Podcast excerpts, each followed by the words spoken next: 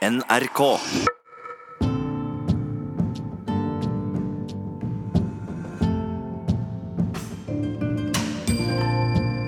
Dette er NRK P2. Tenk om de fleste kvinner fortsatt var husmødre. Hva slags økonomi hadde Norge hatt? Hadde barna hatt det bedre? Hva hadde vi snakket om ved middagsbordet, og hvor lykkelig hadde vi vært? Bli med programlederne Trine Bråten og Kristina Eklund på piknik i parken, hvor de inviterer gjester for å snakke om hvordan Norge kunne ha sett ut hvis det ikke hadde blitt som det ble. Hei, Trine. Hei, du. Så deilig at det var du som skulle ha med deg lunsj. Har du lagd sjøl? Nei, det har jeg aldeles ikke. Jeg har jobba hele uka, så her blir det ferdig pastasalat fra butikken. Og det er altså så godt at man ikke er husmor. Ja, tenk om du hadde vært det. Tenk om jeg hadde vært det. Det hadde Ah. vært eh, ganske krise. Jeg tror ikke naboene hadde vært så veldig imponert over vinduspuss og trappevask hos meg. Men det er jo ikke så veldig lenge siden vi hadde en periode der mennene nærmest regjerte aleine. Og det gjaldt både i politikken og på jobben. Ja, Og damene var hjemmeværende. Tenk om, fordi vi er kvinner, at vi ikke hadde kommet oss ut i jobb. Hvordan hadde samfunnet vært da? Hadde vi vært rikere? Hadde vi vært fattigere? Hadde vi vært lykkeligere? Eller kanskje vi hadde kjeda oss skikkelig? Du, dette her må vi finne ut mer om. Jeg ringer meg til på teppet her, og så ringer jeg noen som kan være med på å snu historien litt på hodet for oss. Og så samtidig sjekker jeg arkivet til NRK for å finne ut hvordan det egentlig var i den tida. Ja, Da ringer jeg til pappa for å høre hvordan han opplevde den store husmortida. Hallo. Hei, det er meg. Du, Jeg sitter her sammen med Trine, og så, og så snakker vi med deg om at eh, det var jo ikke så vanlig at eh, kvinnen eller mammaen eller damene jobba utafor huset i gamle dager. Vi husker jo ikke noe av det, men det husker jo sikkert du. Eller husker du det? At, at kvinner begynte å jobbe? Ja eh, Når jeg var eh, liten, så kan jeg ikke huske at det var noen kvinner i mitt nabolag som jobba utenfor hjemmet. Men eh, det er klart at de kvinnene som var altså ugifte kvinner, de måtte jo jobbe for å, for å forsørge seg. Kontor, butikk eller å være tjenestepike, det var også en kjempestor yrkesgruppe den gangen. Alle hadde jo en tjenestepike i huset. Men farmor snakka hun om politikk og nyheter og sånne ting som liksom var på utsida av hjemmet? Nei. Det var mannens område å snakke om politikk. Ja. Men var det viktig da at det så veldig reint og pent ut, liksom med fasaden, at alle fulgte med på hvor fint det var i hjemmet? Ja, eh, Jeg husker en norsk film som kom på 50-tallet, som het 'Støv på hjernen'. Den eh, tok en del sånne ting på kornet. Det med at det skulle være system på klesene våre, f.eks. System på klesene våre? Ja, klærne måtte henge en spesielt måte. De måtte ikke henge så trusene syntes. Håndklær og laken måtte henge først. Men det her var i gjennomsiktig drabantbyområde da filmen viste, så det er ikke sikkert det var sånn i- på landet. Men eh, i hvert fall så tror jeg nok at det var viktig at hjemmet var rent og pent. For at eh, disse kvinnene som ikke jobba, det var jo dems oppgave på en måte. Å holde hjemmet ship shape. Var det farmor som var sjefen i huset? Ja, hun var vel det. Har en sjef i inne. Tror nok kanskje du kan si det. Ja. Men jeg tror nok at de fleste kvinner var At malten måtte stå på bordet når mannen kom fra jobben, det tror jeg var viktig. Så mannen var nok litt sjef, han òg, kanskje. Ok, vi snakkes, da. Ja, Takk ha skal du ha. Ha det. Tenk om.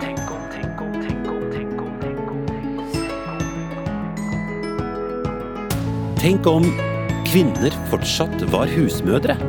Med Kristina Ekelund og Trine Bråten.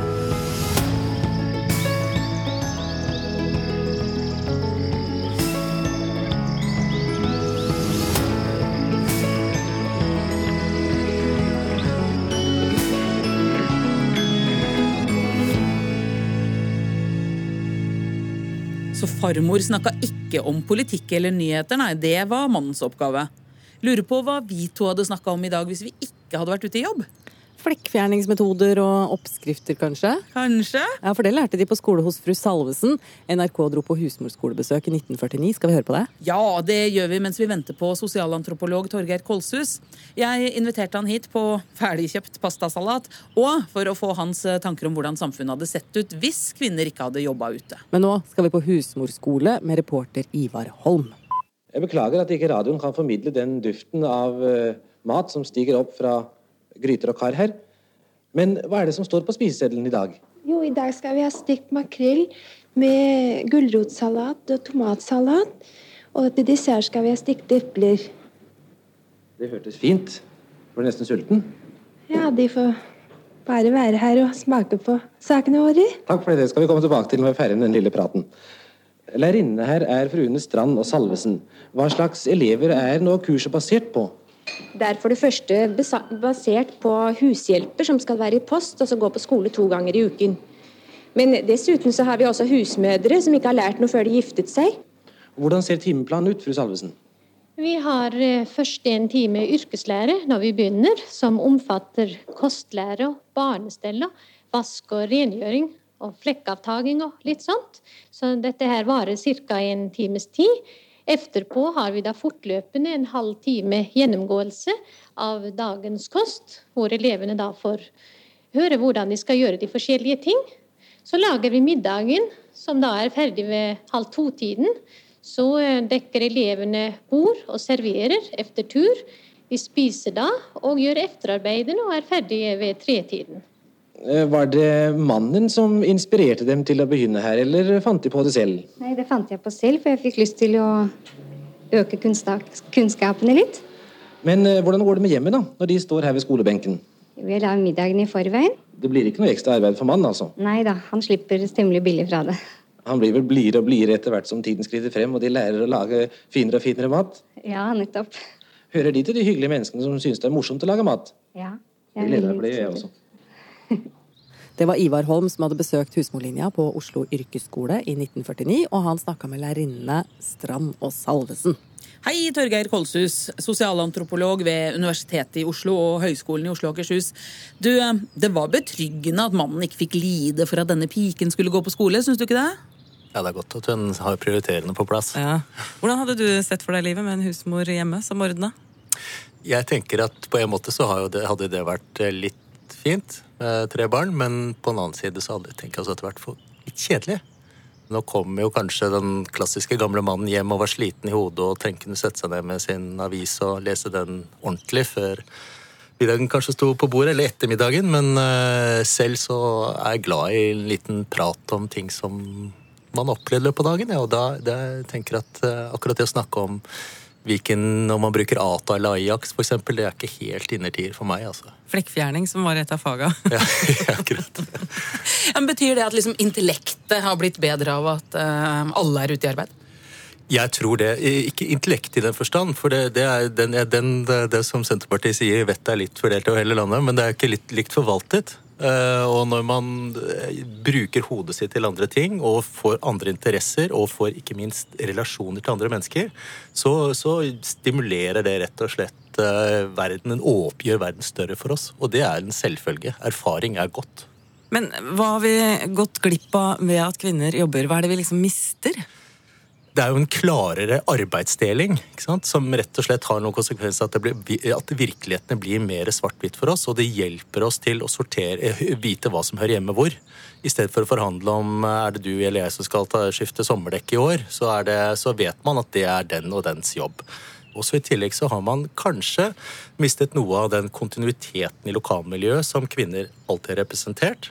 Samtidig så er det et kjempeparadoks det at vi nå jobber mer ute enn noensinne, samtidig som barna våre aldri har hatt mindre alenetid. For det var jo ikke sånn før at, at uh, mammaene passet på barna. Altså barna, Vi var jo alle steder overalt og fullstendig uovervåket og kunne finne på så mye galskap eller, uh, eller, uh, eller velsignelse som vi, som, vi, som vi, klarte. Så det er noe med dette altså den, den uovervåkede tiden som er gått tapt med, med, at kvinner og menn er borte, paradoksalt nok. Også det liksom forventningen at man skal stå og se på, ikke bare på fotballkamper og andre, andre typer oppvisninger, men faktisk også være med på treninger, som nå er ganske uttalt i en del klubber rundt omkring i Oslo-området i hvert fall. Den er ganske spesiell, altså. Vi har mindre fritid til overs. Den fritiden vi har, den bruker vi på å stå og se på barna våre, som da heller ikke har noe særlig fritid i den gamle forstanden av ordet. Men Så nå driver vi og passer på hverandre og ser på hverandre, kanskje. Sånn er du, følger du godt ned, nok med på barna. Men her var det tydelig da i gamle dager så passa man veldig på at du kunne flekkfjerning og vinduspussing godt, da. Ja. Og jeg husker de første, første leilighetene jeg kjøpte, borettslag på Vålerenga fra 29. Da traff en, en dame som hadde flyttet inn i 29, og hun sa før var det ikke det, I vaskekjeller det fantes ikke, kunne ikke se ei knappenål. Og det var regler mot å henge, henge vask og til tørk etter klokken fire på lørdag frem til mandag morgen. Du kunne i hvert fall ikke henge ut, uh, henge ut sengetøyet over gelenderet. Det var heller ikke lov, så man skulle ikke bli minnet på sånne ting. Det var en enorm orden. Og man blir jo målt nettopp på bakgrunn av det. ikke sant? Og flere av de mest interessante antropologiske studiene av hverdagsliv eh, i Norge, som er utført av Marianne Gullestad i, i Bergensområdet og Marianne Lien i, eh, i Båtsfjord, de forteller nettopp det samme, at man har måter å vurdere hverandres skikkethet som mødre på, som husmødre. som en, I Båtsfjord en kjempekjerring. Kjempekjerring betyr at du stiller opp for andre, lager mat og allting klart. Og i, eh, i det lokalmiljøet utenfor, som jeg tror faktisk var Loddefjord, nå tror jeg det er greit å si det, utenfor Bergen som Marianne Gullestad studerte, så var det det å være skikkelig folk. Altså Man gjorde veldig klare skiller mellom overklassen og skikkelig folk, og de som da liksom var subben. Og da det å være skikkelig folk innebar at man kunne be, invitere hverandre inn på kaffe en kaffetår. Ikke for lenge, selvsagt, for da hadde man ikke noe å gjøre, og det er ikke bra. Da var man ikke skikkelig folk. Men det å liksom ha, ha, den muligheten den til stede, og så kunne man samtidig se at alt var på stell i hjemmet. ikke sant? Bokstavelig talt på stell. Ja, Når var dette her? Dette var på 80-tallet. Eller til slutten av 70-tallet og begynnelsen av 80-tallet. Du, takk skal du ha, Torgeir Kolshus.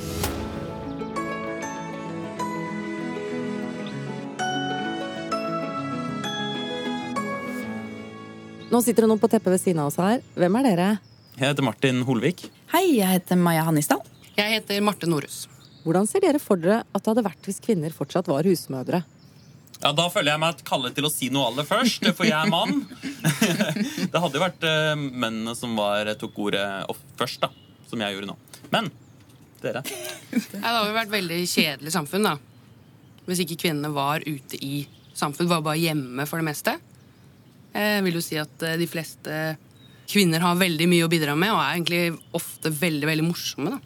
I det store verdensbildet så liker jeg å tro at det hadde vært mye mer eh, krig og utyske. Ja, For dette gjelder hele verden? Det, nå ble det plutselig det. Ja. Men uh, det gjør kanskje ikke det? Skal vi begrense det til uh, hele verden? Det ingen kvinner jobber i ja. hele verden. Ja. Ikke i Norge, ikke noe sted. Ikke noen politiske ledere som er kvinns. Ikke noe Angela Merkel, Nei. ikke noe noen som helst. For å skyte inn akkurat det med jobber, jeg tenker jo at det er viktig å anerkjenne jobb i hjemmet, da, men vi tenker nå jobb Altså Som i vanlig arbeidsliv. Ja. Bare for å liksom stadfeste det. da ja, Jobb i hjemmet er det er jobb. ass ja, Fy søren, det er så mye jobb. Altså Jeg, jeg egner meg ikke så veldig bra, så jeg tror eh, Jeg vet ikke hva jeg skulle ha funnet på hvis, eh, hvis jeg ikke hadde fått lov til å, til å være utafor hjemmet. Man hadde vel visst om dette fra man var liten, at dette var liksom ens bane i livet. Da, så man hadde mm. kanskje innstilt seg på, på, det. Men for min egen del, altså, å, å være hjemme hver eneste dag og vaske ja, Gjøre de tingene som kreves hjemme ja, det, hva, hva, hadde dere vært mest uh, misunnelige på? Uh, som vi mennene kunne gjøre da? Altså, hva ville dere ønsket mest? Bare være et annet sted. Ikke være i samme hus, samme sted. Jeg hadde fått veldig klaus. Tenk om bare menn skulle vært på lunsjpausen da, og, holdt, og, og hatt liksom samtalen ja. uten at noen altså, kvinner var med og liksom bidro til samtalen. Det hadde blitt ganske mye ganske ensidig. Kanskje egentlig hadde bare mennene sittet der og ikke sagt så mye stirret ut i lufta og sagt sånn Ja, ja, nei, men da Kvinner tar jo ofte litt mer sosialt ansvar, ikke sant? så det blir jo disse kjedelige mennene som sitter, tenker på arbeid, snakker kanskje litt arbeid og så går litt om trening, litt om ja. bilen. Litt om sport, litt om uh, sport, ja, ja. ja, Og så hadde det vært over. Det, vi, veldig, vi, menn hadde hatt veldig lite impulser fra og an, veldig få andre perspektiver. Det er litt, det er litt urettferdig å si overfor alle, alle menn at de ikke har impulser. Jo, jo, men, men, men, jeg er, men, jeg er enig allikevel. Det eneste jeg ser som må være deilig med å være husmor, det er jo å ha mye tid hjemme. Altså slippe slippe all stresset, kose seg hjemme med unger. Nja, det var visst ikke helt sånn. For mange så var det slitsomme dager å være hjemme også, med barna hengende rundt. Og dermed kom ønsket om barnehager. Men kunne det være farlig for barna å bli sendt bort på dagtid? Det diskuterte de i NRK i 1946. Vi som nå er voksne, er da virkelig vokset opp hjemme i stua alle sammen, med mor og søsken som lekekamerater. Og vi er da blitt mennesker, vi også. Er det ikke litt farlig, dette, å sende barna fra seg og overlate oppdragelsen til fremmede? Er det ikke fare for at barna blir standardisert hvis de alle skal oppdras etter samme prinsipper. Vi har representanter for et østkanthjem, et vestkanthjem og et landsens hjem, og dessuten en sosialarbeider. Og vi skal nå høre litt om hva husmødrene selv mener om disse spørsmålene. Vi henvender oss først til representanten for østkanthjemmet og spør dem, fru X kan vi jo kalle dem, hvordan arter livet seg til daglig hjemme hos dem? Jo, når jeg ikke har barna mine på daghjem, så blir det altfor meget å gjøre. Det er stadig vekk strev og stri, og det kan hende at den ene rømmer, den andre kanskje klatrer og faller ned, og de utroligste ting kan hende i løpet av dagen. Men hvis jeg kan anbringe de trygt på daghjem, så er det jo, når jeg er borte og utenfor hjemmet og arbeider, så er de jo sikre for at de får det stell de trenger, de regelmessige måltid, og i hele tatt den, det tilsyn de trenger å ha. Vi blir trette, vi får ikke tid til å stelle med ungene våre som vi skal. Vi kan ikke være som vi gjerne burde og skulle være. De mener altså at barna får bedre oppdragelse ved å være utenfor hjemmet? Absolutt. Barna på daghjemmet de lærer sin morgenbønn og de sine små bordvers. og i det hele taget De blir oppdratt i en god ånd, som gjerne ville være ønskelig at de kunne vare hele skolealderen ut. I hjemmene blir vel barna ofte oppdratt til egoister eller usosiale mennesker? Ja, det er sikkert. Og det er jo mange hjem hvor praktisk talt den eneste virkelige oppdragelse barna får, den får de på barnehjemmene. Ja. På daghjemmene, mener jeg. Der, der, lærer de renslighet. De blir badet. De lærer å spise på en ordentlig måte. Sitte til bords. Og ø, enkelte barn er jo små tyranner hjemme, selv om de ikke er så svært store. Og da kommer de, Det er det eneste stedet hvor de kommer under en fast hånd. Nå spør vi fru Y, som altså er vestkantrepresentanten. de har jo ikke arbeidet utenfor hjemmet, så vidt jeg har forstått. Nei. Men allikevel føler vel de at det er behov for å få barna ut av huset en gang? Ja, om jeg gjør. Men skal jeg fortelle litt om hvordan min dag sånn til daglig går? Ja. Jeg har fire små barn, og vi bor i en gammeldags, stor leilighet og har derfor god plass, men det er tungvint. Det er gammeldags. Og Det er f.eks. 19 meter lang korridor fra spisestue til kjøkkenet. Det blir mange skritt i dagens løp. Det er ikke lett med hushjelp et sånt sted. Det er jo så rart Med det hushjelpsøyne så er det jo praktisk talt straffbart å ha fire småbarn i dag. Jeg begynner jo klokken syv når babyen skal ha mat. Så er det frokost til mannen og de andre barn. Så er det babyvasken, som helst skal ned i gården fra tredje etasje så tidlig som mulig. Så er det husarbeidet, formiddagsstellen på den lille. Så skal hun ut, og de andre skal ut. Når disse barna er ute, så skal jeg altså besørge innkjøpene. Middagsmaten skal lages i stand til den lille til klokken tre og til oss til klokken fire. Så er det alminnelig husarbeid, oppvask og aftenstell. Og endelig klokken åtte regner jeg med å ha alle fire i seng, og da kan jeg sette meg ned. Men da er det stoppehauger og lappetøy. Og så vil jeg jo svært gjerne ha anledning til å lese litt og følge litt med, med i alt det som skjer rundt omkring meg.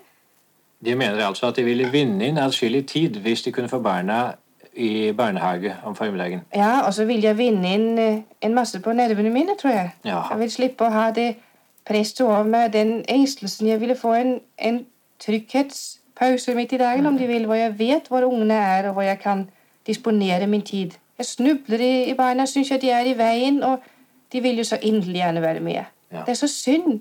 Og først i grunnen om kvelden, når de har kommet i seng, og, og jeg ser på disse fire små strålende fjes i, i fire små senger, så skjønner jeg for en rikdom jeg har. Hvordan er det med fru Sett, blir det vel? Eh, på landet kan det vel ikke være noe bruk for barnehage, hvor barna kan være ute i fri luft hele dag uten at det egentlig er noe større fare for dem? Å jo, i de tettbebygde strøk som ligger jo forholdene godt an for barnehaver. Men hvor det er eh, vesentlig gårdsbruk og spredt bebyggelse, blir det vanskelig. Da må man jo frakte barna fra og til barnehaven, og det blir jo ikke noe særlig lettelse da. Så finnes det jo ikke parker og hus som ikke er i private. All mark er oppdyrket, eller det er private haver. De fleste barna på landet er mest overlatt til seg selv. De blir sluppet ut og greier opp seg imellom. Kom med flere barnehaver litt snart, så ikke vi blir så trette og ekle, vi husmødre. Hei, Karin Hamre. Du er likestillingskoordinator hos Statistisk sentralbyrå. Hva hadde skjedd med samfunnet vårt hvis vi fortsatt var husmødre? Vi hadde jo antageligvis hatt en eller annen form for utvikling. Men hvis man ser tilbake i tid, så er det jo antageligvis en del ting som har påvirket samfunnet ved at kvinner har kommet ut i arbeidslivet. For eksempel så kan det jo tenkes at vi hadde fått flere barn enn det vi, det vi gjør i dag. Og vi hadde kanskje, kanskje hatt litt renere hjemme også. Ja, for det var mye viktigere. Fasaden på det rene hjemmet. Ja, det var absolutt mye viktigere. Vi brukte eh, dobbelt så mye tid på eh, husholdsarbeid, over dobbelt så mye tid på husholdsarbeid i 1970 enn det vi gjorde i 2010. Og det skyldes jo antageligvis at man har fått noen hjelpemidler, oppvaskmaskiner og vaskemaskiner. Men eh, det skyldes nok også at man, mødrene jobbet jo faktisk hjemme og brukte tiden sin på det, da. Ja, For de hadde jo ikke så mye tid til barna, hørte vi jo her. Det var jo jobbinga som altså, de Arbeidsoppgavene de var opptatt av. Ja, eh, og det ser man også eh, fra tidsbruksundersøkelsen. Da, at man bruker like mye tid på, på barna sine, altså faktisk omsorgsarbeid. Man, eh, og det betyr at man er i kontakt med barnet. da. Omtrent like mye tid på det i dag som man gjorde i 1970. Men hadde vi kanskje hatt færre skilsmisser? Det kan tenkes. Samtidig som kvinner eh, gikk ut i arbeidslivet, så var det også en, eh, en boom i, i skilsmisser. Da. Og det kan jo antageligvis henge sammen med at eh, større økonomisk frihet rett og slett gjør at man ikke behøver å bli i, i vonde forhold. Og det gjelder jo sikkert menn også. At man har eh, større muligheter da, til, å, til, å, komme seg ut hvis det, er, eh, hvis det ikke er sånn som man ønsker. Men så har det stabilisert seg eh, nå. Så nå er det omtrent eh, like mange skilsmisser fra år til år. Samtidig så er det jo også færre ekteskap som inngås, så det er jo færre ekteskap i dag enn det var før. Det er ganske mange som krangler om du gjør ikke nok og du gjør, jeg gjør mer enn deg. og sånn. De kranglene kanskje ikke vi hadde hatt da hvis vi hadde fortsatt hadde hatt husmødrene? Nei, det er mulig. I dag så gjør jo faktisk, eller Den forrige tidsbruksundersøkelsen fra 2010 den viser at eh, menn gjør stadig mer eh, husholdsarbeid. Eh, det er jo i hovedsak sånn vedlikeholdsarbeid, men også å vaske huset. Da. Så blir det spennende å se. Det kommer antageligvis en ny tidsbruksundersøkelse de neste årene. Den forrige er fra 2010, så eh, det blir spennende å se om det har skjedd noe da. Du sitter jo eh, og ser på alt vi har av statistikker og tabeller i Statistisk sentralbyrå som handler om likestilling og, og kvinner ute i jobb. Så hva har det egentlig betydd for samfunnet og økonomien og, og pengene våre? Ja, eh, Jens Stoltenberg har jo uttalt at kvinners yrkesdeltakelse har hatt større eh, betydning for Norge enn oljen. Og det eh, baserer seg på noen undersøkelser som er gjort, eh, eller forskningsrapporter som er skrevet bl.a. på Institutt for samfunnsforskning eh, om nettopp dette. Men akkurat hva det liksom har, sagt, har, hatt betydning for verdiskapningen, det er ikke så lett å si. Men det, vi har jo fått eh, bl.a. mer penger å bruke. da. Og jo mer penger vi bruker, jo, jo bedre går jo samfunnet. De her husmødrene vi hørte, de var jo veldig opptatt og hadde veldig lyst på barnehage. Hva veit vi om forholdet mellom det å ha barnehager og det med at kvinner jobber, egentlig? Nei, Vi vet ikke om vi vet så veldig mye mer enn at det er en, antageligvis en sammenheng mellom de. Eh, at eh, Enten at kvinner gikk ut i arbeidslivet og fikk behov for barnehager, eller kom barnehagene og så gikk kvinner ut i, i yrkeslivet. Men det er jo klart at eh, de aller fleste vil jo være enige om at eh, for at kvinner, og menn for så vidt skal jobbe, så trenger man jo barnehager og andre familiepolitiske ordninger, da, som foreldrepermisjon og sånne ting. Ja, Det er jo ikke lett å se for seg at man hadde vært ute i jobb uten barnehage. Nei, det er veldig vanskelig å se for seg det. I dag så går jo faktisk jeg tror jeg 92% av alle barn mellom ett og fem år går i, i barnehage. Så det er jo ganske høye tall. 92% av ungene går altså i barnehage. Ja, det er mye. Jeg har tenkt noen ganger at jeg kanskje burde skjerpe meg og bli flinkere på disse husmortingene. Altså Om det ligger i kvinners natur å passe på hus og hjem mens mannen er ute og forsørger familien. Ja, du, ja, for du tenker det er sånn genene våre er, liksom? Mannen som jakter og kvinnen som sanker? Det er jo noen som har sagt det. Vi har jo hørt det før. Malene Ferrer, historiker ved Høgskolen i Oslo og Akershus. Er husmorrollen det naturgitte? Nei, husmoren det er jo på en måte et uh, veldig sært uh, fenomen i en historisk sammenheng. Da. Hvis vi tenker tenker oss eh, den menneskelige historien som strekker seg langt bakover i tid. Eh, til og med i steinalderen så var det ikke slik at kvinner eh, liksom satt hjemme i, ved bål og rørte eller rørte gryter, de hadde jo ikke gryter da, og, og stekte en bit kjøtt og passa på unger mens mannen var ute og jakta. Det var jo ikke sånn. De var med og, og plukka bær og, altså, og hvis eh, en kvinne kom over liten, et lite dyr, så var det ikke umulig at hun kasta seg over det, hun også. Så får vi jordbruket, og da er det jo slik at kvinner er ut, ute med mann og sliter, hun også. Eh, og så får vi altså, industrisamfunnet, og da er det jo ut i fabrikken eh, osv kvinner av folk og kvinner generelt har jo jobbet opp gjennom historien. Kvinner som er hjemme, det er et sånn ja, kommer fra 1800-tallet og liksom det borgerlige borgerlige idealene, hvor liksom mannens soliditet ligger liksom i, i denne økonomiske eh, Altså ja, økonomisk soliditet, da. Hvor det, liksom, det er eh, hans adelsmerke her i verden. Eh, tidligere så var det styrke for menn, det å gå ut og eh, krige og alt dette der, og være fysisk sterk og kunne gjøre skikkelig arbeid.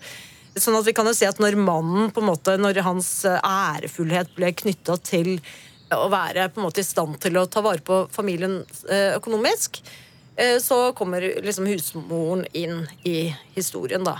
Dette skjer jo egentlig gradvis, begynner på sånn 1600-tallet, kanskje. Slik at denne husmoren, denne klassiske husmoren, er jo hvor det blir på en måte et ideal som sprer seg liksom også til folket til arbeiderne, hvor en arbeiderlønn skal på en måte forsørge en familie. Det er noe som hører til etterkrigstiden og ja, et par tiår der. Men hvorfor var det så omstridt på en måte, eller så omdebattert at de da skulle ut i arbeidslivet, når vi har disse historiske linjene, som du sier? Ja, eh, og det er veldig, veldig rart. Og det handler delvis om på en måte at det ble sett på som noe veldig bra for veldig mange. Altså, sånn endelig? endelig kunne kvinnene på en måte være hjemme og ta seg av barna, ta seg av mannen sin, og ordne og vaske. Og det å utføre husarbeid på den tiden, det var jo ganske slitsomt. Å ta, ta, seg en klesvask. Det var jo ikke sånn som i dag hvor vi trykker på en knapp. Det var jo vann som skulle fylles i maskin og ut gjennom Det var en svær operasjon som kunne ta mange timer. Og det samme med matlaging og alt dette her. Det var jo mye mer arbeidskrevende. Samtidig så uh, er det jo ikke tvil om at uh, vi i løpet av denne perioden uh, fikk en del nyvinninger på den fronten også. ikke sant? Vi fikk jo til og med hermetikk, som ble veldig populært sånn på 60-tallet. Det er mange som har vokst opp med hermetikk til middag. Den fantastiske nye oppfinnelsen. Tenk dere også Toro, tomatsuppe og så alt dette her. Slik at det ble nok mindre krevende å være hjemme etter hvert, og det er en del av bildet. Samtidig så var det nok en del kvinner som ble ganske frustrerte.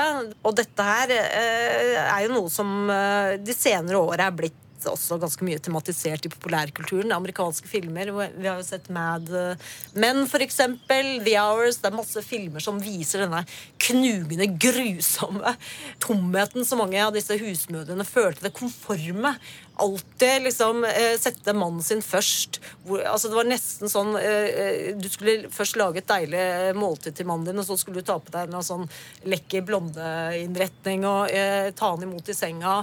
Og det høres jo ganske tomt ut, da. Og bare kretse rundt familien. Så jeg tror at uh, hvis, vi, hvis, vi, ikke hadde gått ut av hjemmet, så tror jeg det hadde vært ganske uh, mange Eh, for å si det sånn, Jeg tror psykiatriske institusjoner hadde hatt litt mer å gjøre enn de har i dag. faktisk, det tror jeg. For det er utrolig mye frustrasjon som var innenfor husets fire vegger på den tiden. Oi, oi, oi. Tomt og meningsløst liv. Ja, Men de hadde jo sine drømmer, de også, om å få litt lettere arbeidsdager. I 1983 fortalte redaktør i Husmorbladet Juliane Solbrå Bay til Birgit Wiig om drømmer i etterkrigstida. Noe sånt som oppvaskmaskin tror jeg ikke vi drømte om. Men hva husmødrene drømte om, det var vaskemaskiner. Og det kom jeg har tallet, jeg tror det var 250 vaskemaskiner som Husmorforbundet, og det var to andre kvinneorganisasjoner som fikk samme antall til utdeling blant sine.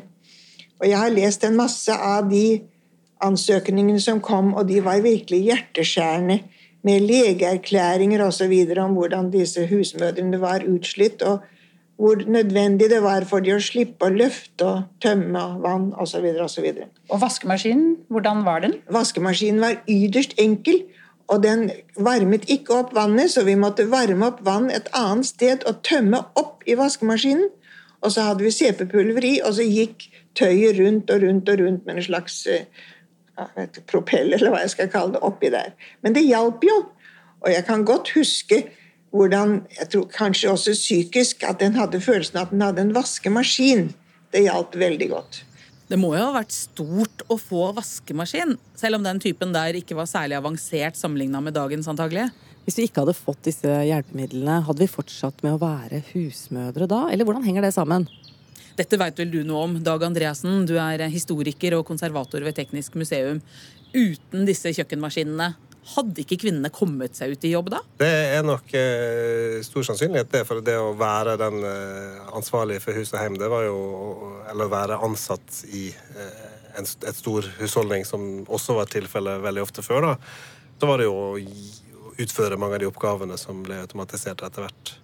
Samtidig så skal vi jo ikke overvurdere heller hvor helautomatisk alt er. For det tar jo fortsatt timer av dagen å putte på eh, vaskemaskinen og oppvaskmaskinen og gjøre alle disse tingene. Det er jo ikke roboter vi snakker om her nødvendigvis. Det er jo apparater som gjør det lettere bevares, men de gjør jo ikke jobben for deg.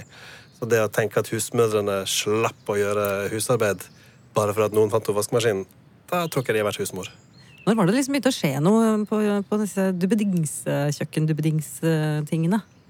Det kommer gjerne i flere bølger. altså En tydelig eh, sånn innovatørteknikk, det var jo elektrisiteten. Altså Da den kom eh, sånn rundt 1900, kan man si, så kom det jo veldig ras av elektriske dingser. Og du vil være overraska over hvor mange av disse her gadgetsene som man kanskje tenker har noe med vår egen tid å gjøre, som egentlig stammer fra de første tiårene etter at elektrisiteten kom. For da var det jo om å gjøre for de som lagde elektrisitet og ville selge denne strømmen, og få folk til å kjøpe apparater som trengte strøm, sånn at de kunne få opp forbruket. Hvis du ser for deg at ikke disse tingene hadde kommet, og man fortsatt var hjemmeværende stort sett, eller de fleste kvinner Det kan hende de mennene som lagde det, angra litt når de skjønte hvilken retning det skulle gå? Jo, men du vet, jeg tror at det her er behovet for arbeid og muligheten for å bruke kvinnelig arbeidskraft i arbeidslivet, det har mer med andre ting å gjøre enn hvor praktisk det er å være hjemme. Det har mer med eh, behovet for arbeidskraft i f.eks. industrien. Man ser jo det i, i eh, tider med, med krig, f.eks., hvor mennene sendes til krigen, så går jo kvinnene automatisk ut i industrien. Og det var ikke fordi det var blitt mye lettere å være eh, husmor. Men tror du ikke det henger sammen i det hele tatt? Jo, det henger nok til en viss grad sammen, men kanskje ikke så direkte som at man fant opp vaskemaskinen, og derfor kunne kvinner jobbe. Typiske kvinneyrker var jo sekretær, vaskehjelp, hushjelp, butikkansatt og ja, flere andre. Men det holdt ikke i lengden. Noen ville også bli sjefer. Og det var ikke særlig populært, viste det seg da NRK spurte folk i 1959. Jeg tror Bentheim at jeg må si at jeg ville foretrekke en vanlig sjef. Ikke som noen undervurdering av kvinnen, men fordi at jeg tror at vi kvinner er mer smålige. Jeg tenker da på de tilfellene hvor en underordnet kvinne må be seg fri for at barna er syke. Da ville kanskje ikke en kvinnelig sjef ha samme forståelse som en mannlig. Og en annen ting jeg tror at når en kvinne er blitt sjef, så betyr det så mye for henne å vise at hun virkelig er sjef. Det kanskje koster noe for henne å tape ansikt, om jeg skal si det sånn, sånn at hun er steilere enn en mannlig sjef ville vært.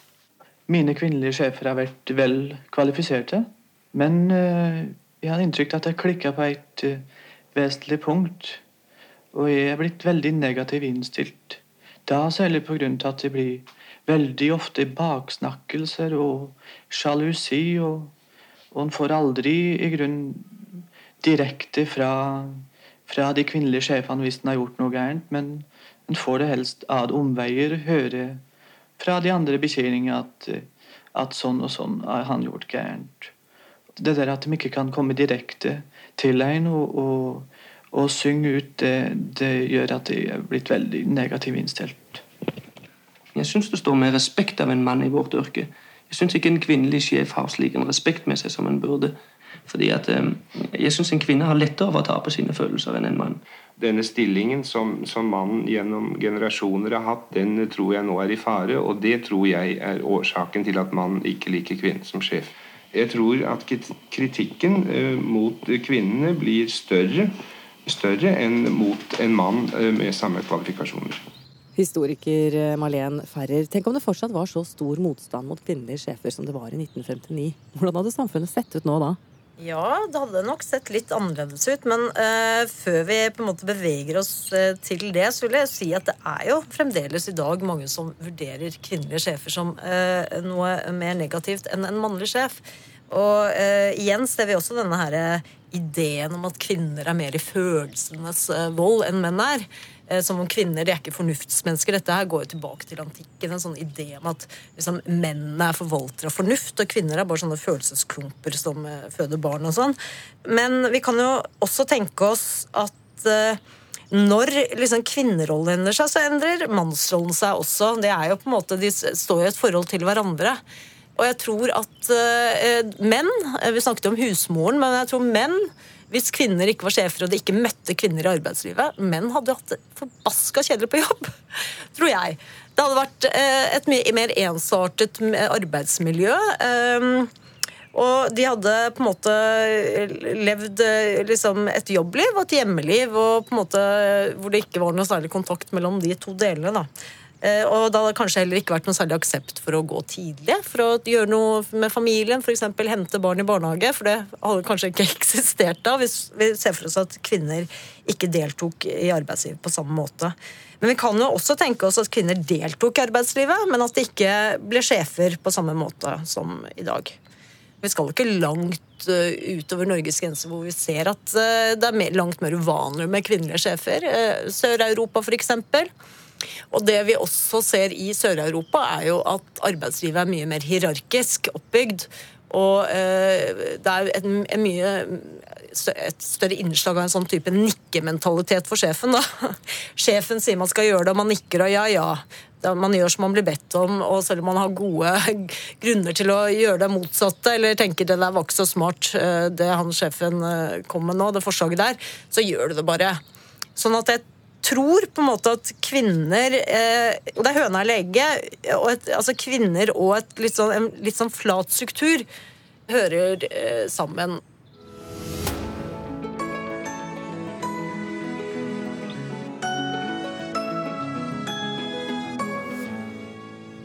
Men nå skal vi snakke politikk. Martin, Maja og Marte, hvordan ser dere for dere at det hadde vært hvis vi ikke hadde hatt kvinner i politikken? Vi hadde jo hatt absolutt all makt. Vi hadde vært politikere, vi hadde vært på TV-skjermen hele tiden. På radioen hadde du bare hørt menn. Vi hadde ikke hatt Erna Solberg som statsminister. Vi hadde ikke hatt Gro Harlem Brundtland som statsminister. Det hadde jo mista en hel rekke politiske saker også. Jeg tror kanskje man hadde hatt noe noe fokus liksom på kvinnehelse og sånn med dette å få barn. Det er jo i mennenes interesse. Mm. At uh, deres egne barn vokser opp. Kanskje der. Et lite minimum av innsats utover det, hva som er for kvinner og på en måte rekreasjon og de mulighetene, det, det hadde ikke stått eh, høyt på dagsordenen. Det var noe som skjedde høsten 1971. Flere steder fikk kvinnene faktisk flertall i kommunestyrene. Valget ble kalt kvinnekuppet, som her i Sigdal kommune. Jeg har aldri sett og hørt så mye furtende mannfolk før. Det var en som har sittet i kommunestyret nå. Han hadde fortalt det etter, etter dette kvinnfolkvalget, at han visste dette hadde om den lista hvordan dette hadde gått, så skulle det ikke stått kvinnfolk på listen i det hele tatt. Wow. og det syns jeg var litt stritt. altså. Da syns jeg vi er litt sjølgode karene. Fikk dere noen slengbemerkninger? Ja, mange. jo, de lo rått. Oh, kvinnfolk ute med egen liste! Oh, oh, sånn. Slik var stemninga blant kuppmakerne i Sigdal da vi trefte deg etter valget i høst. Ti kvinner hadde brasa inn i kommunestyret i bygda. Aldri før hadde det vært mer enn én kvinne blant bygdas 25 kommunestyrerepresentanter. Kvinnekuppet hadde med andre ord slått en kraftig bresje i bygdas solide mannsmur, og reaksjonene lot da heller ikke vente på seg. Vil si at uh, det her bryter jo ganske mye med det vi er vant ved fra før av kommunevalg. Og det er jo mange som mener at dette minner mer om et russervalg. Hva mener du med det? Uh, ja, at en der får utlevert uh, en seddel der alt er ferdigskrevet, og de sier at bruk den her som den er. Når han i Sigdal kommune har ca. 2650 stemmeberettigede, så syns mange det er pussig at 36 lister skal gjøre utslaget til at 45% av kommunestyret skal bestå av en spesiell gruppe. Endelig et opprør, skriver Arbeiderbladet. Kvinnene kommer, kunne en lese i Aktuell. Fullstendig forvirring i partienes lagoppstilling var en av Verdensgangs kommentarer. I Mandal ble Venstres tre formannskapsmedlemmer kastet. Og i Asker, Oslo og Trondheim ble det kvinneflertall. Vel, Norske kvinners nasjonalråd frydet seg i hvert fall. I mer enn 16 år var om lag én av 17 kommunerepresentanter kvinner, og alt så ut til å låse seg der. Men så, i 1967, lanserte da Norske kvinners nasjonalråd ideen om flere kvinner i kommunestyrene, og i samarbeid med de politiske partiene drev de både opplysnings- og påvirkningsarbeid. Og resultatet kom. Tallet på kvinnefrie kommuner sokk fra 178 til 78. Siget var satt i gang, og skilnaden mellom menn og kvinner i kommunepolitikken ville være utjamna i år 2027. Hei, Irmelin Wister. Du var kvinnesakskvinne og var med på å starte Kvinnefronten. Husker du dette kvinnekuppet? Jeg husker uh, veldig godt at det skjedde. Men uh, det skjedde på en annen uh, arena, kan du si, enn der vi som jo da var svært unge, helt i starten av 20-åra den gangen, der vi opererte. Fordi vi var jo veldig utålmodige. Vi hadde mistet mye av troen på at de etablerte partiene og organisasjonene ville få fortgang i å fremme kvinners krav. Og behovet for en ny og aktivistisk kvinneorganisering, det hadde pressa seg fram. Så når vi ser tilbake og blir spurt om ja, men hvordan startet det? Nei, svaret på det er vi gjorde det fordi vi måtte. Det var så mange ting i kvinners liv som var så usannsynlig urimelig.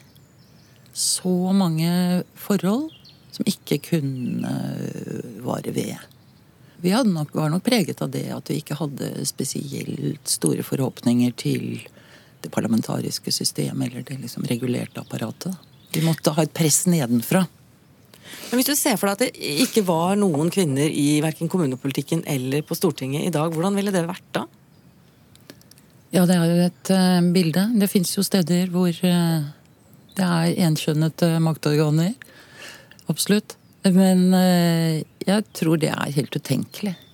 Altså, de hadde enten, enten hadde liksom grasrotpresset blitt så utrolig stort at de hadde vært nødt til å ta opp i seg en del andre krav. Men eh, rent organisatorisk så er det en umulighet. Fordi tiden var eh, overmoden. Den nye kvinnebevegelsen, som mange kaller det, som startet eh, på overgangen 60-70-tallet, den kom jo samtidig med så veldig mange andre strømninger i tiden. Så den er ikke noe isolert fenomen. Det er en eh, naturlig konsekvens av en mye mer samfunnsengasjert og politisk bevisst generasjon. Og som også hadde muligheter til det. Fordi utdanningsrevolusjonen var et faktum. I 73 så ble behovsprøvingen på Lånekassa opphevet, slik at du hadde en egen rett til studielån uten å se til hva, hva din stort sett far da tjente. Eller din der du kom fra, hvilke materielle kår du kom fra. Og vi hadde en sterk antiimperialistisk kamp i forhold til Vietnamkrigen primært, som formet mange unge mennesker den gangen. Vi hadde den store folkebevegelsen for å holde Norge utenfor EU, eller EEC som det het på våre paroler. Så det at den særegne kvinnekampen ble organisert der, det, det var helt nødvendig, og det var tida for det. Men Hva slags saker tenker du vi ikke hadde hatt oppe eller ikke hadde snakka om eller ikke hadde vært viktig i dag hvis ikke damene hadde kommet inn i politikken? Og det er mange saker. Det eh, aller viktigste kanskje for å gi mulighet for kvinner til å skape sin egen plattform, er jo å ha mulighet til egen inntekt, egen økonomisk selvstendighet. Og for å få til det, så må du ha en eller annen form for barnehagedekning. Men hvis du da er i en fase hvor du tenker at uh, dette med barn det skal jeg faktisk utsette til jeg har en stabil økonomi og har mulighet til å gi barn en god oppvekst, så må du ha sikker prevensjon. Tilgang på prevensjon, muligheten for selvbestemt abort. Disse faktorene er helt nødvendige, og jeg kan ikke helt se for meg hvilket mannskollektiv som ville kjempet fram eh, de sakene. For det vi så i praksis, var jo at de viktige kvinnepolitiske sakene, de ramla jo alltid nedover i eh, lista når, eh, når politiske prioriteringer skulle tas. Du, Vi skal til Stortinget. Det var ikke mange kvinner der heller. Astrid Gjertsen fra Høyre og Toril Skar fra SV var to av de få. De ble valgt inn i 1973, og de følte seg lite hørt og ensomme som kvinner blant viktige menn. Jeg opplever i hvert fall at det er nokså vanskelig å være kvinne. Vi er jo en liten minoritet. Vi er jo en 16% bare. Og jeg føler at vi ofte som kvinner har en annen bakgrunn. Vi er opptatt av andre slags saker, vi har andre interesser. Vi har også lært andre måter å være på og snakke på. Og som det ofte er tungt å stå fram i og representere i et miljø som da preges av andre interesser, andre måter å være på, andre uh, måter å snakke på. Det er ikke enkelt å være kvinne i utsatt posisjon i noe sted i samfunnslivet i dag. Og det er vel kanskje, merker man vel kanskje i sterkere grad i dette huset her, hvor som har vært eh, mannsdominert i årtier. Det, vi har jo heldigvis hatt en bedring, og la meg si det på den måten det går fremover, men uhyre langsomt.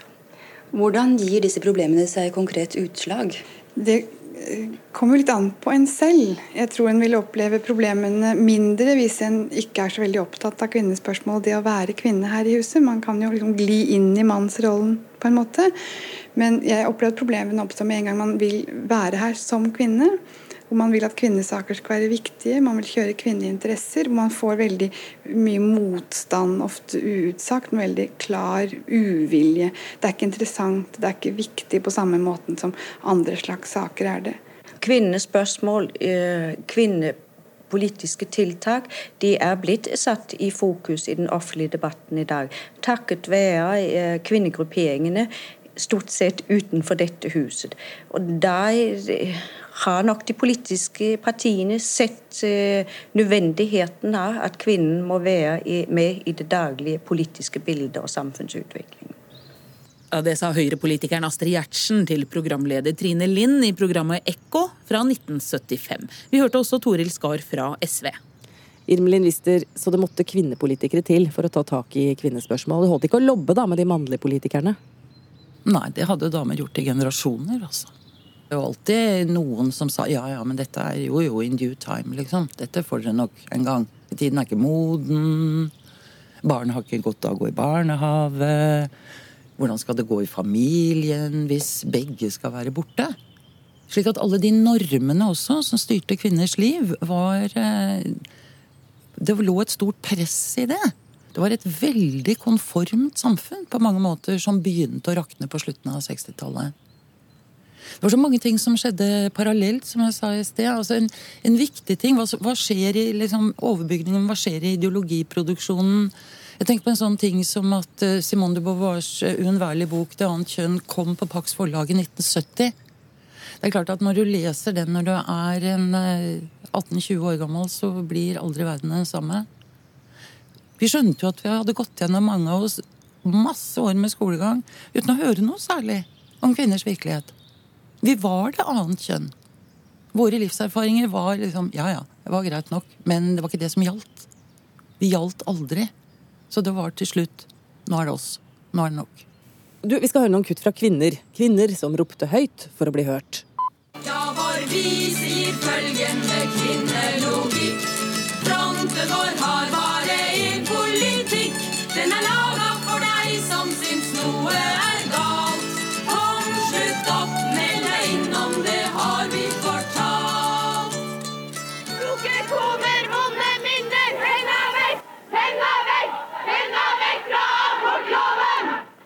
Vi vet at disse filmene også vil bli brukt i andre sammenhenger. I sammenhenger med unge jenter. Jenters og kvinners oppfatning av råderett over egen kropp og eget liv skal angripes ved å skape skyld og angst. Vi må heve våre stemmer, skal vi høres. Å, jenter.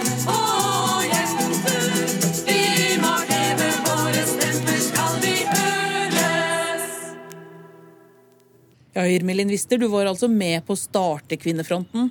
Hva tenker du når du hører dette her? Jeg blir jo veldig glad, da. Og rørt. Jeg vet jo også at nå, nå, bygges det jentefront opp igjen. ikke sant? Unge jenter sitter nå og kjører disse sangene, lager nye tekster, gjør dem relevante overfor de i forhold til kampen mot de tingene som er øverst på deres dagsorden i dag. Blant annet noe av det som jo gjør meg utrolig trist, er jo den ekstreme seksualiseringen av vår offentlighet og kroppspresset og vellykkethetskjøret på ungdom. Hvordan vi liksom produserer psykiatri, nærmest. altså. Ved å opprettholde en sånn helkommersialisering, som det jo er. Men de organiserer seg, og de lærer av våre erfaringer, akkurat som vi lærte av våre formødres erfaringer. Vi samarbeider. Dette pågår hele tiden. Kvinnekampen er uh, ustoppelig. Før du går, kan ikke du bare sette deg inn i Hvis du hadde levd et liv som husmor, hvordan hadde livet ditt vært? Da vil jeg vel tro at jeg hadde slått ut på psykiatristatistikken. Selv om jeg, kommer fra en bakgrunn hvor det overhodet ikke var utenkelig at kvinner jobbet og noe som helst. Det, men det er jo det når man går utover sin egen erfaringsbakgrunn og hører andres historie. Det er jo på en måte da man forstår perspektivene i dette. Altså det, det, var en tid hvor vold mot kvinner ble karakterisert som husbråk. Hva gjør du når du ikke har lønn? Når du ikke har mulighet til å skaffe deg lønn fordi du ikke har noe sted som kan ivareta barna dine på en trygg måte? Når du lever kanskje et lite og veldig gjennomsiktig sted hvor det er veldig vanskelig å få tak i prevensjon? Du blir uønsket gravid. Altså Hvor du føler at du er fullstendig buret inne. da, Hvor alle dine livsbetingelser liksom er dirigert av eh, alt annet enn deg selv. Det, det hadde jeg ikke tålt, tror jeg. Jeg hadde ikke holdt ut.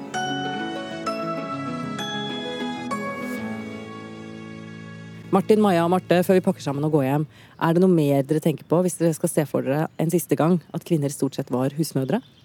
norsk økonomi hadde jo vært halvert. Eh, de aller fleste kvinner er i arbeid. Skulle man tatt bort halvparten av arbeidsstokken, så hadde man hatt mange færre til å betale skatt, eh, mange færre til å, eh, til å bidra i samfunnet. Norsk økonomi hadde rett og slett ikke gått så bra, for man hadde flere, færre hender. Og jeg tenker, Hvis dere hadde vært hjemme og passet på barna Vi hadde ikke hatt barnehager, heller ikke jobber til barnehager, men hadde mistet en hel del ting i samfunnet som, eh, som vi tar for gitt i dag. Da. Det er jo en del klassiske kvinneyrker som menn måtte tatt. Mannlige sykepleiere, mannlige ja. lærere, mannlige Ja, ja. ja og det, det, er jo veldig veldig bra eh, hvis man kunne fått flere av det sånn som det er i virkeligheten nå. da. Men, eh, men bare det, det Men Kunne barna hatt det bedre da, ved at foreldre eller mamma var hjemme og passa på dem? På mange måter ja jeg undervurderer ikke på noen måte den verdien det er å være hjemme med barna sine. Eh, men man vil jo ikke at bare mamma skal være hjemme med barna. Eh, så der mister man jo masse. Hvis, hvis far skal være en eller annen sånn åndsfraværende figur som bare seiler inn og ut. Um, det er jo ikke godt for noen. Nei, Det hadde blitt veldig mye daddy issues. Altså, ja. Folk hadde hatt så mye sånne mindreverdighetskomplekser og liksom aldri følt at de var gode nok for sin far. Og hvis bare ja. faren var borte og bare vært med mor, så tror ikke det hadde vært sunt i det hele tatt. Men um, uff, ja. Det er jo sånn det har vært en gang, da. Ja, det, det er jo akkurat det. Det, har, det, er jo ikke så veldig langt fra virkeligheten som den var, da. Det hadde vært et sånn veldig skjevt, sånn litt halvekkelt maktforhold, hvor dere ikke hadde vært selvstendige. Vi hadde hatt all makt og kunne på en måte Det var et sånn ekkelt bytteforhold mellom lønna vår og ja, ja, deres seksualitet, da, uh, rett og slett. Altså, vi må jo få lønn på en måte av mannen. Ja. han hadde mest sannsynligvis ikke hatt noe forståelse for mengden arbeid som man gjør ellers. Og da hadde ikke fått noe, hadde ikke fått noe creds. Spørre om å få eh, lommepenger. Man må jo også se for seg at ikke alle menn automatisk blir skikkelig drittsekker eh, i et sånt samfunn. Kan det være at, Vi var litt på det jo sporet. være at- Vi var litt på det sporet ganske tidlig. Man bare regner med at ok, da er alle dritt. Og så, nei, men hvis, hvis man regner med at man har en litt grei mann, da, kan så vi. kan man jo finne en ordning som kanskje egentlig er fin og på en måte rettferdig. Men ja, hvor, hvor lett er det å, å tjene alle pengene og så se på det som et felles eh, at, Ja, å dele det med sin frue da, og tenke at hun gjør like mye? Jeg tror det hadde gjort noe med liksom, eh, mentaliteten. At det har vært lettere å bli en sånn eh, mann som tok alt for gitt og, og bare mente at du, du er bare et påheng eh, hvis det var sånn at kvinner ikke gjør arbeid. Men jeg synes det er veldig hyggelig at du sier at kanskje noen av oss mannfolk også kunne vært greie. da, Det setter jeg veldig pris på. Hadde dere syntes det vært litt deilig å ikke jobbe også? Ja, ja det er Ja, ok. Ja, men jeg er ja.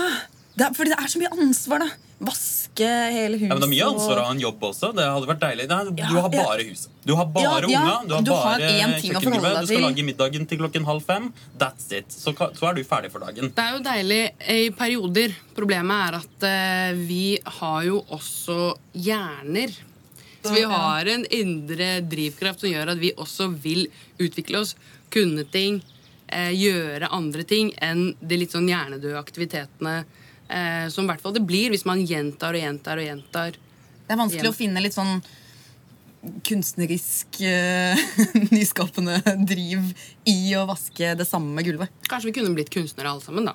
Jeg får ikke tid til det, vet du. Hvis du skal vaske klær til hele slekta. Male bilder av Male bilder av frukt, ass. Det hadde blitt mye av det, tror jeg. Fruktfat og det hadde blitt mye vel, Jeg tror det hadde blitt stor produksjon av stilleben. Malt av kvinner. Utsikten hjemmefra, ja, fra I overkant med stilleben. Vi hadde fått et samfunnsproblem.